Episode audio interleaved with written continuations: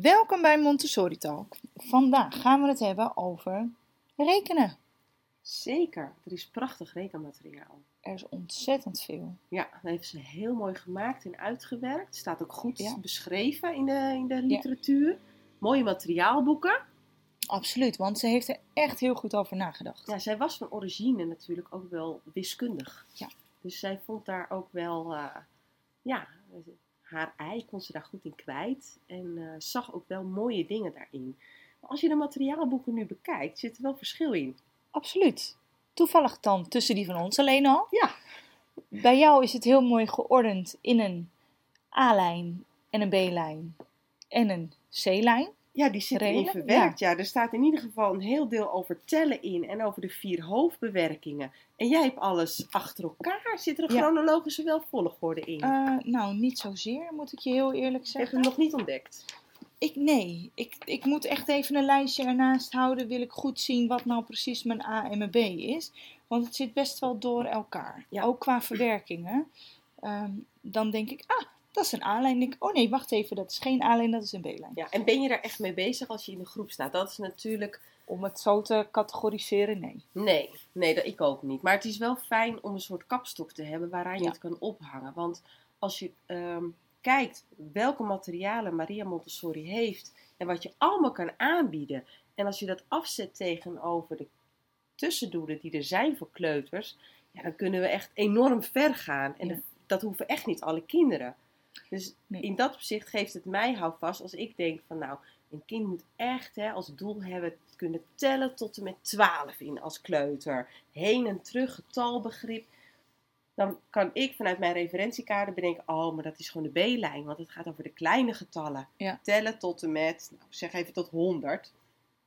Ehm, en de A-lijn, dat zijn echt grote getallen, getallen tot 1000 en over de 1000 heen, maar echt het metric stelsel zit daar ook in. En voor mij geeft dat houvast dat ik denk, ja, maar dat zijn de grote getallen. Dat vinden wij op onze Montessori school heel belangrijk om aan te bieden. Wij vinden ook dat kinderen Ja. die bagage meenemen naar de middenbouw, dat dat van belang is. Maar voor de tussendoelen als criterium is dat niet nodig voor een kleuter. Nee, nee. Het is wel dat de A-lijn vanuit Montessori-perspectief en visie eh, eigenlijk de eerste stap is wat je aanbiedt aan ze. De grote getallen, de getalkaarten, het gouden materiaal.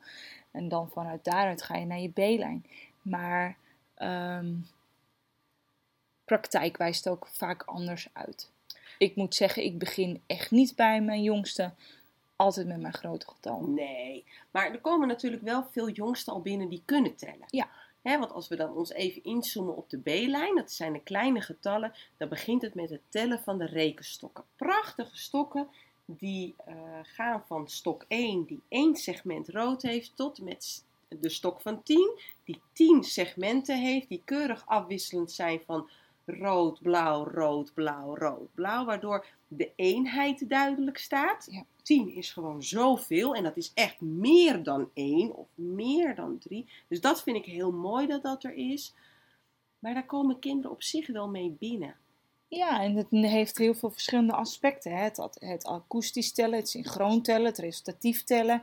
Uiteindelijk het koppelen van die getalbeelden aan een hoeveelheid. En Maar ook schatten. Ja. Schat maar eens hoeveel dit is. Klopt dat wel? Als je een hele lange stok hebt, kan je niet zeggen dat dat 3 is. nee, dat is inderdaad. Dus ook het schattend rekenen zit daar wel in. En ik vind het mooi dat het één eenheid is. Overigens weten wij door een gesprek met eh Nienhuis, eh, dat is de materiaalleverancier eigenlijk van de wereld. Ondertussen zijn er Ja. meerdere, maar Nienhuis is echt wel een begrip.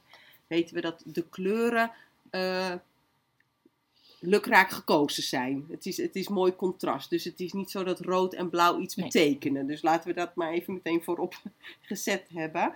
Maar ehm, ja, ik vind dat wel al heel mooi bedacht. Ja. En Maria was wel heel erg van het tientallig stelsel. Dat ze dat heel belangrijk vond. Ja, absoluut. Want stel, hè, je hebt die rekenstokken dan gehad. Laten we daar even op doorgaan. Wat ehm, bied jij na die rekenstokken aan als je denkt, nou weet je, dit hebben ze wel redelijk onder de knie? Nou, als ze het ook met voorwerpjes erbij kunnen leggen. Dus ze kunnen die één op één relatie ook leggen. Ja, dan maak Mhm. ik echt meteen het overstapje naar de telbakjes. Of soms wel meteen naar cijfers en fiches. Want het Ja. hoeft ook niet alle materialen te doen, hè? Laat ik Nee, dat ook zeggen. niet. Het is niet zo'n afvinklijstje van hè, naar eh, tellen met de stokken. Waar je Ja. overigens ook nog een symbool aan koppelt. Jongens, ik ga weer veel te snel. Dat is, die Ja. rekenstok hoort ook een symbool bij. Ja. En Ja, en die moeten echt wel eerst een beetje geautomatiseerd zijn Ja. voordat je de volgende stap kan doen. Ja. Ehm, want ik hoor jou zeggen over die cijfers en die fiches en die telbakjes. Ehm, heb jij ook wel eens kinderen waarbij je denkt, nou dat kan ik overslaan, ik ga gelijk door naar die kralenstaafjes? Heb ik wel. En vaak kan dat ook. Maar toch is het dat je te snel gaat. Waar merk je dat dan? Dat ze toch te weinig ermee verwerken en verwerven. Je gaat, je gaat ervan uit dat je. Je slaat echt een stap in het hele automatiseringsproces over.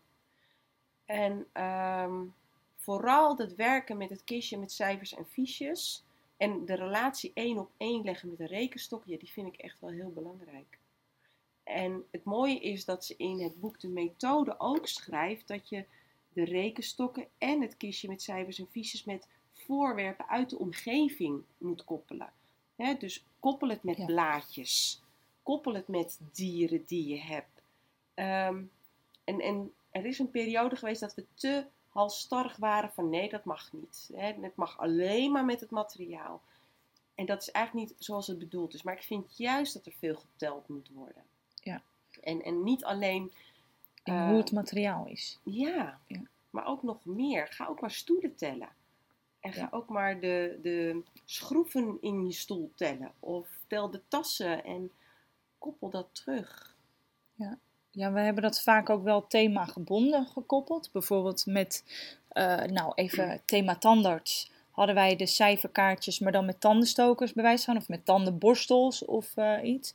Dus Thema je- Europa, nu komen de grote pastabuisjes. Die worden Ja. ook eh, bij de cijfers gelegd. Maar ja, dat is, het is wel heel belangrijk om dat te blijven doen. Want ze moeten het gewoon echt, ja sorry voor het woord moeten. Maar het is echt zo belangrijk dat ze dat vaak doen. Ja. En om dat aantrekkelijk te houden, is het belangrijk om dat wel te koppelen aan dat wat ze thuis hebben. Ja. Ik zeg tegen ouders ook wel eens, als ze doppertjes of worteltjes zouden eten, of, of eh, wat ik weet, krieltjes, tel dat ook. Maar laten ze het ook eens verdelen. Ik, ik eet er één, eh, ik leg er hier twee, en hoeveel liggen er dan aan de andere kant?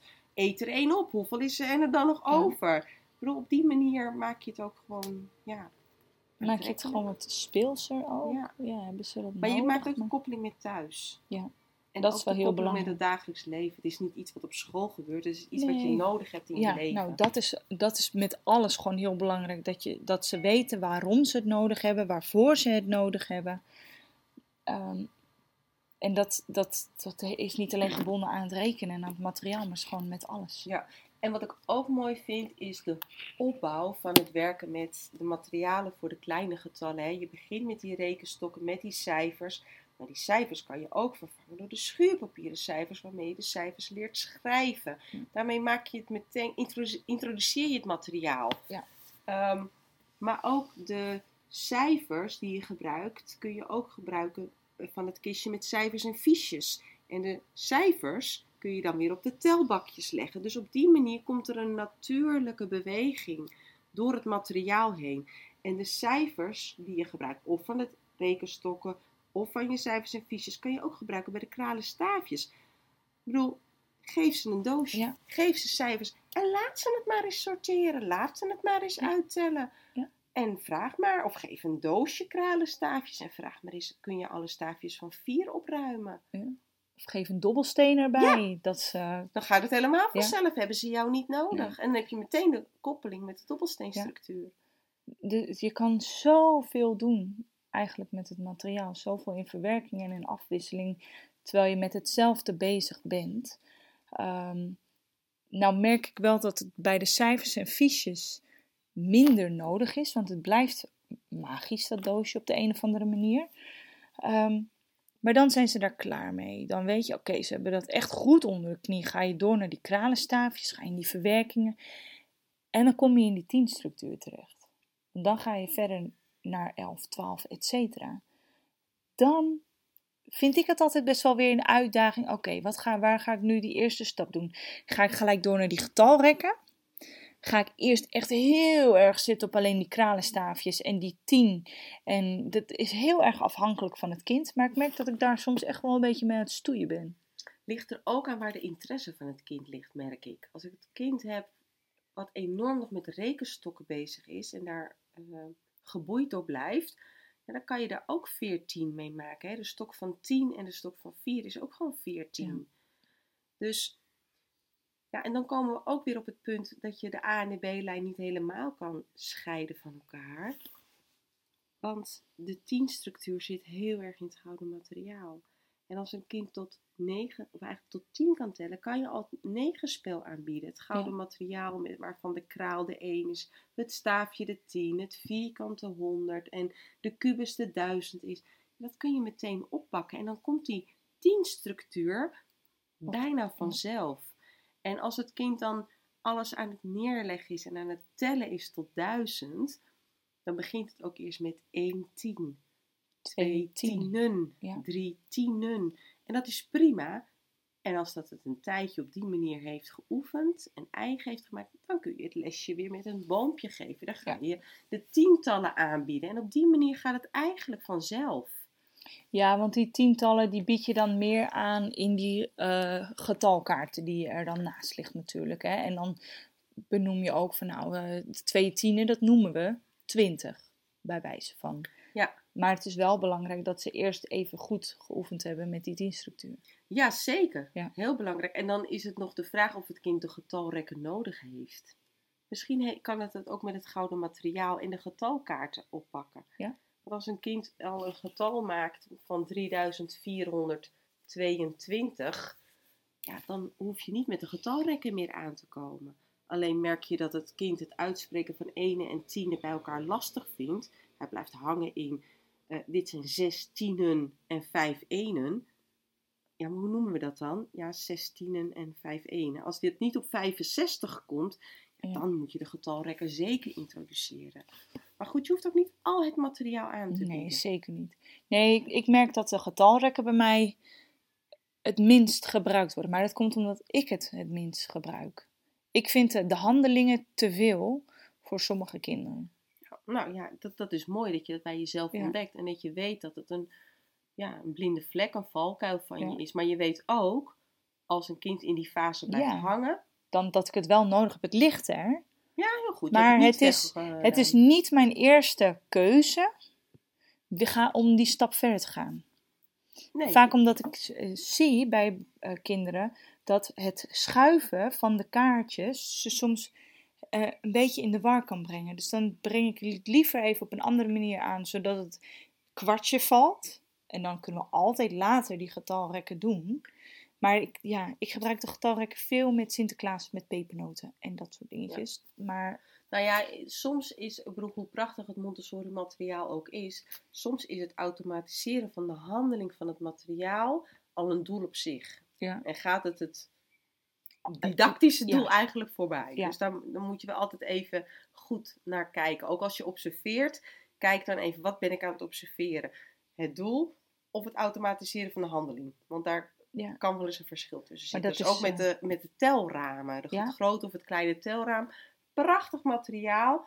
Maar ook daar is een handeling uitvoeren al bijna een automatische maar dat is ook, ook met de kralen kettingen, met de pijltjes ook dat is zo precies. Waar leg je het neer?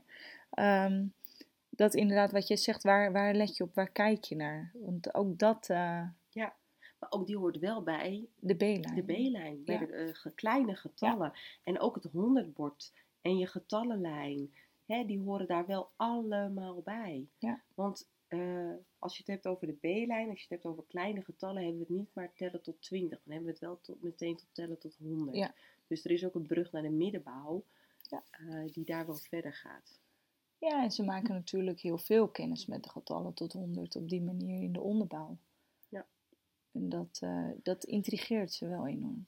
Ja, en het is eigenlijk niet alleen tellen, want het is ook meteen inzicht in het tientallig stelsel. Het is ja. ook, uh, praat je over tellen in sprongen.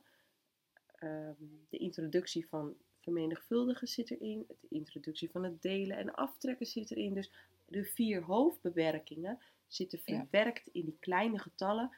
En dan nog niet als doel, maar wel als ervaren, als Ja. introductie. Ja, ze hebben het gezien. Ze hebben, het, ze hebben er iets mee gedaan. Ja, absoluut, absoluut. Nou, ik denk dat we op zich wel redelijk uit die kleine getallen zijn. En dan hebben we nog die A-lijn. En Ja. als je dat wil horen, dan moet je even naar de volgende aflevering gaan. En dan pakken we ook de C-lijn, vergeet u niet.